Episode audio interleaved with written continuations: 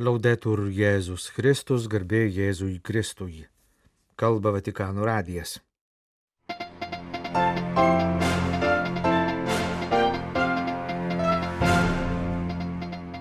Popiežius pasveikino Paryžiaus taikos forumą.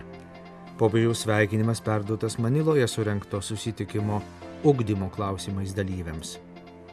Reikia išrauti su šaknimis smurtą prieš moteris, pasakė popiežius Italijoje surinktos kampanijos proga. Sekmadienį lapkričio 19 bus minima pasaulinė vargstančiųjų diena. Prasidėjo popiežiaus katedros, Romos Laterano bazilikos 1700 metų sukakties minėjimai. Arabijos pusėsalio bažnyčia pradėjo švęsti savo jubiliejinius metus. Vatikano valstybės sekretorius kardinolas Pietro Parolinas popiežiaus Pranciškaus vardu pasiuntė sveikinimą lapkričio 10 ir 11 dienomis Paryžiuje vykstančio šeštojo taikos forumo dalyviams. Popiežius Pranciškus džiaugiasi galėdamas kreiptis į forumo dalyvius, padrasinti jų pastangas vardant taikos ir palinkėti, kad šis susitikimas prisidėtų prie teisingesnio, vieningesnio ir taikesnio pasaulio kūrimo, rašo kardinolas pažymėdamas, kad šių metų Paryžiaus forumas vyksta įtin skausmingomis aplinkybėmis. Pasaulis bejėgiškai stebi, kaip daugėja ginkluotų konfliktų, sukeliančių daug kančios ir neteisingumo, darančių žalą mūsų bendriems namams. Popiežius tikisi, kad šis forumas bus vilties ženklas ir kad per jį prisimti įsipareigojimai paskatins nuo širdų dialogą, grindžiamą įsiklausimu į visų tų, kurie kenčia nuo terorizmo, visuotinio smurto ir karų šauksmą. Taikos kūrimas yra lėtas darbas, reikalaujantis daug kantrybės, toliau rašo kardinolas. Į jį turi įsitraukti visi geros valios žmonės, kuriems rūpi žmonijos ir planetos dabartis ir ateitis. Ilgalaikė taika, kuriama diena iš dienos, pripažįstant, gerbent ir skatinant žmogaus asmens orumą ir jo pagrindinės teisės. Taika kuriama ne ginklais, bet kantrių įsiklausimų, dialogu ir bendradarbiavimu kurie yra vienintelės žmogaus orumą atitinkančios priemonės ginčiams spręsti. Popiežius linki, kad forumo dalyvių diskusijos būtų turiningos ir vaisingos, kad jos padėtų žmonėms įsiklausyti vieniems į kitus, priimti kiekvieną su jo įvairovės turtingumu, kad auktų taikos kultūra ir ji duotų konkrečių brolybės vaisių. Švietimas turėtų suderinti protą, širdį ir rankas, pažymėjo popiežius, sveikindamas Maniloje lapkričio 8-9 dienomis Dela Sal universitete vykusį ketvirtąjį pasaulinį simpozijumą Uniservitate dėstytojų ir studentų suvažiavimą apie įvairius tarnystės ir mokymosi aspektus. Integraliam ugdymui reikia kūrybingo, tarp disciplininio ugdymo, kuris padėtų jauniems žmonėms tapti lyderiais, kuriančiais geresnę ateitį visiems, patikino sveikinimo žinioje Romos vyskupas. Reikia padėti jauniems žmonėms geriau suprasti ryšį, kuris gali suderinti proto, širdies ir rankų kalbą. Tokiu būdu, tęsė Pranciškus, ugdytojai gali formuoti, ne tik informuoti, kad visi galėtų mokytis darniai mąstyti pagal tai, ką jaučia ir daro, darniai jausti pagal tai, ką galvoja ir daro, ir darniai daryti pagal tai, ką jaučia ir galvoja. Tačiau reikia nepražiūrėti dvasinio ugdymo aspekto. Viliuosi, tęsė popiežius, kad simpozijumas padės sustiprinti visų jo dalyvių uolumą, kad kaip mokiniai misionieriai gebėtų visai žmonijos šeimai perduoti perkeičiančią Evangelijos tiesą, grožį ir džiaugsmą ir tokiu būdu prisidėtų prie broliško, solidarumo, teisingumo ir taikos Dievo karalystės kūrimo. Popiežiaus kreipimasis Italijos nacionalinės kampanijos prieš visų formų smurtą proga Mūsų žmogiškumo laipsnė atskleidžia tai, kaip mes elgiamės su moterimis. Nuodinga pikdžiolė, kuri kenkia mūsų visuomeniai ir kurią reikia išrauti su šaknimis. Taip Pranciškus apibrėžia smurtą prieš moteris žinutėje skirtoje Italijos nacionalinio transliuotojo ir nukentėjusių moterų prieimimo namų organizuotos iniciatyvos rengėjams. Popiežius ragina išrauti tas kultūrinės šaknis, kurios auga iš ankstinių nusistatymų, savininkiškumo, neteisybės dirboje. Popiežius Pranciškus ragina nelikti abejingiems veikti visais ligmenimis nedelsiant, ryštingai, skubiai ir drąsiai, suteikti progą kalbėti mūsų bebalsėms seserims. Mūsų žmogiškumo laipsnė atskleidžia tai, kaip mes elgiame su moterimi, rašo popiežius galvodamas apie daugybę moterų, su kuriomis netinkamai elgiamasi, kurios yra skriaudžiamos, pavergiamos, kurios tampa aukomis manančiųjų, kad gali valdyti jų kūnus ir jų gyvenimus verčiamos pasiduoti vyrų godumui. Yra per daug vietų ir per daug situacijų, kai moteris yra nustumiamos į antrą planą, laikomos prastesnėmis, sumenkinamos iki daikto, nebematomas jų orumas, jos laikomos tik nuosavybę, rašoma kreipimėsi. Šventasis tėvas pabrėžė dviprasmišką žiniasklaidos vaidmenį, kuri viena vertus skatina moterų teisės, bet kita vertus perduoda žinias pagristas hedonizmu ir vartotojiškumu kurių modeliai vyrai ir moteris paklūsta kriterijams, skatinantiems sėkmės siekimą, savęs įtvirtinimą, konkurenciją, galę pritraukti kitus ir dominuoti. Tačiau kur troškimas dominuoti, ten ir piknaudžiavimas, nors viešpats nori, kad mes būtume laisvi ir visiškai oros. Štai kodėl anot popiežiaus skubiai reikia švietėjiškos veiklos, pradedant nuo auklėjimo šeimoje, kad jau ten žmogus ir jo orumas būtų visako centre ir tai skatintų teisingus lygiaverčius santykius, pagristus abipusę pagarbą ir pripažinimu. Raginti bažnyčią išeiti anapus savo sienų ir pasitikti skurdą įvairiomis formomis, kuriomis jis pasireiškia šiandieninėme pasaulyje.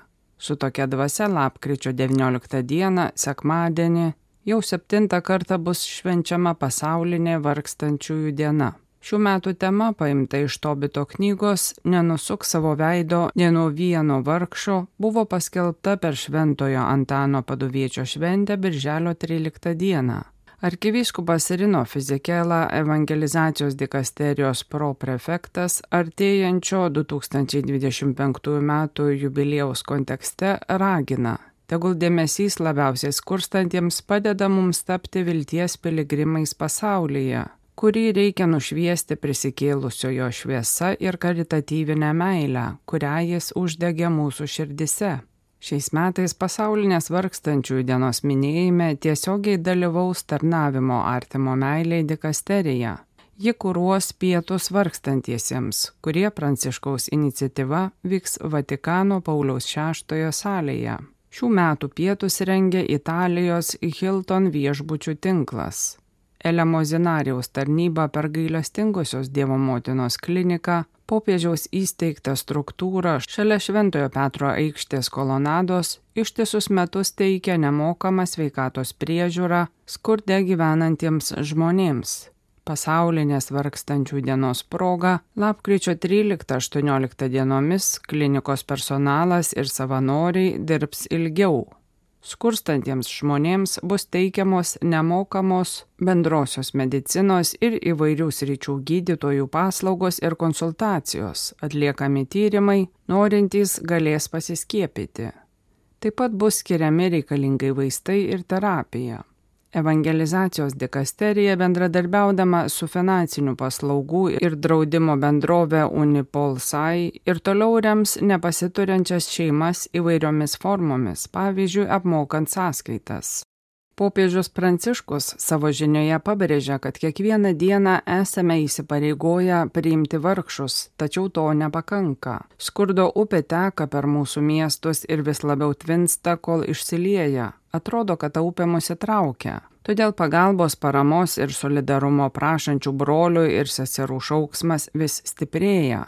Dėl šios priežasties sekmadienį prieš Jėzaus Kristaus visatos valdovo šventę susirenkame prie jo stalo, kad vėl sulauktume jo dovanos ir įpareigojimo gyventi skurdžiai ir tarnauti vargšams.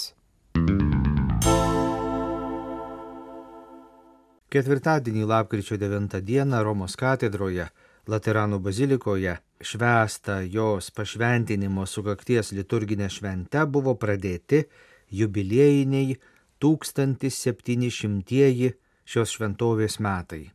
Mišes šią progą aukojo bazilikos arkikunigas ir popiežiaus vikaras Romos vyskupijai kardinolas Andželio de Donatis. Laterano baziliką pastatydino imperatorius Konstantinas. Tuoj po to kai jo įsakymu visoje Romos imperijoje buvo nutraukti krikščionių persekiojimai. Imperatoriaus funduota bazilika 324 m. lapkričio 9 d. pašventino tuometinis Romos vyskupas popiežius Silvestras. Iškilmėje dalyvavo ir pats Konstantinas. Nuo to laiko Laterano bazilika iki mūsų dienų yra Romos vyskupų katedra. Per 17 savo istorijos šimtmečių bazilika buvo tris kartus perstatoma.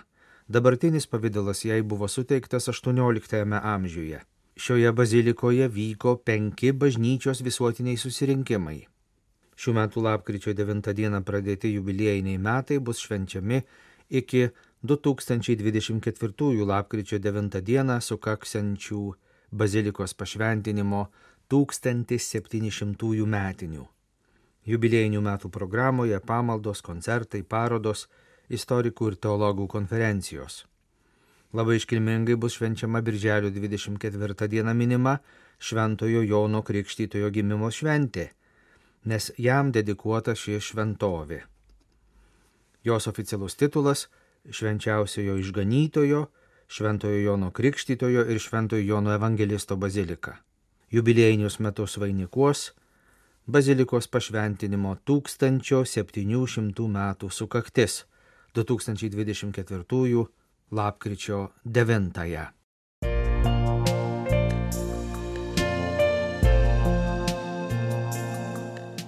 Jūs klausotės Vatikano radio. Tęsėme žinių laidą lietuvių kalba.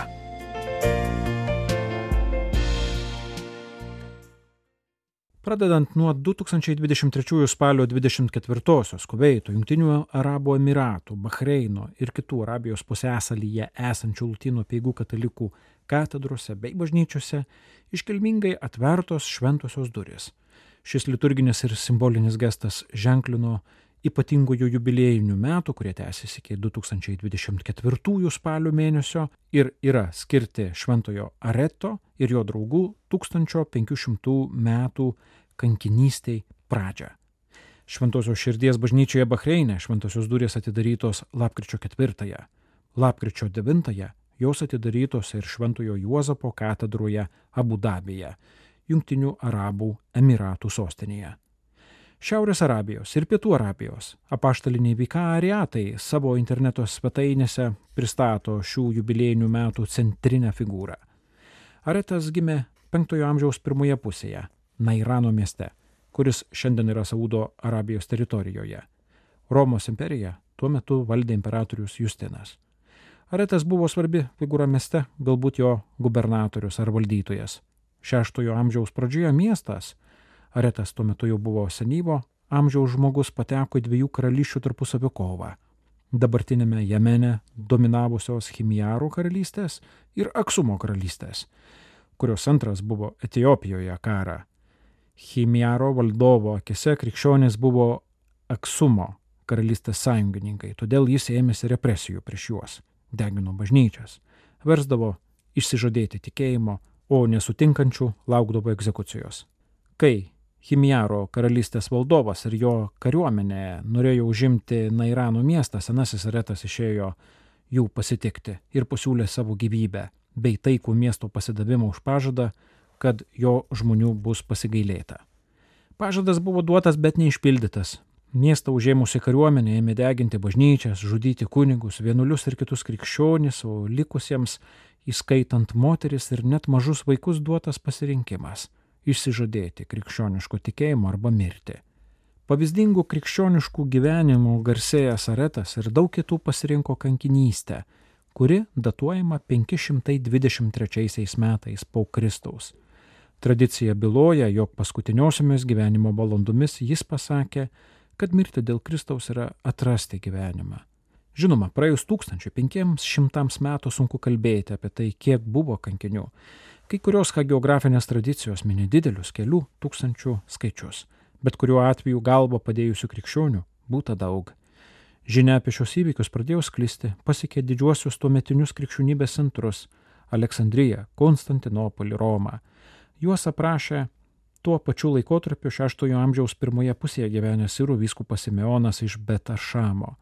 Nairano miesto kankiniai buvo įrašyti į bažnyčių ir vienuolynų liturginės knygas. Jie buvo atsimenami ir gerbiami tiek Bizantijos imperijos teritorijoje gyvenusių graikų, etiopų, sirų ir kitų tradicijų krikščionių bendruomenių, nepaisant kartais didelių tarpusavio doktrininių ginčių bei vakarų krikščionijoje. Į Lotynų apieigų katalikų bažnyčios martirologą įrašyta, kad spalio 24-ąją prisimename šventojo Areto iš Narijano miesto Arabijoje, jo valdovo ir 340 draugų kankinystę pagal Hemaro karaliaus du, du nuvazų palipimą imperatoriaus Justino laikais.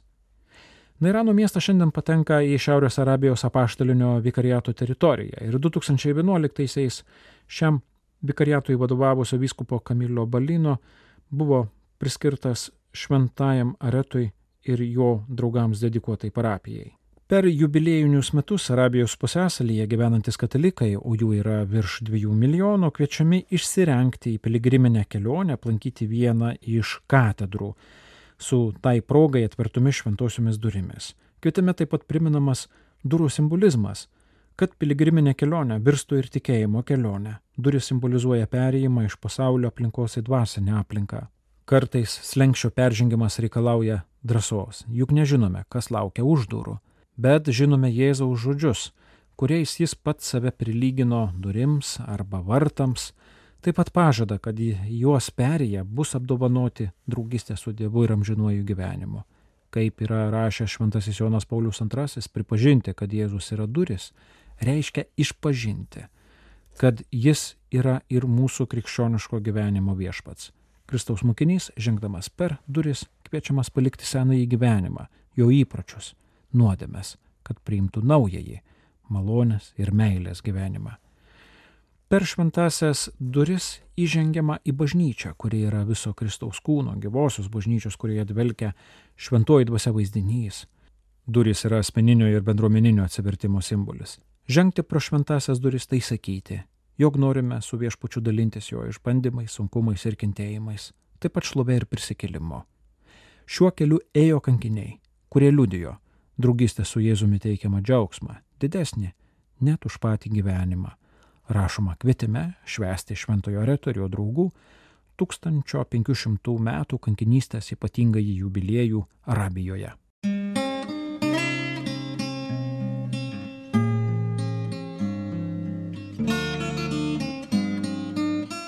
Kalba Vatikano radijas. Laidą lietuvių kalba baigėme.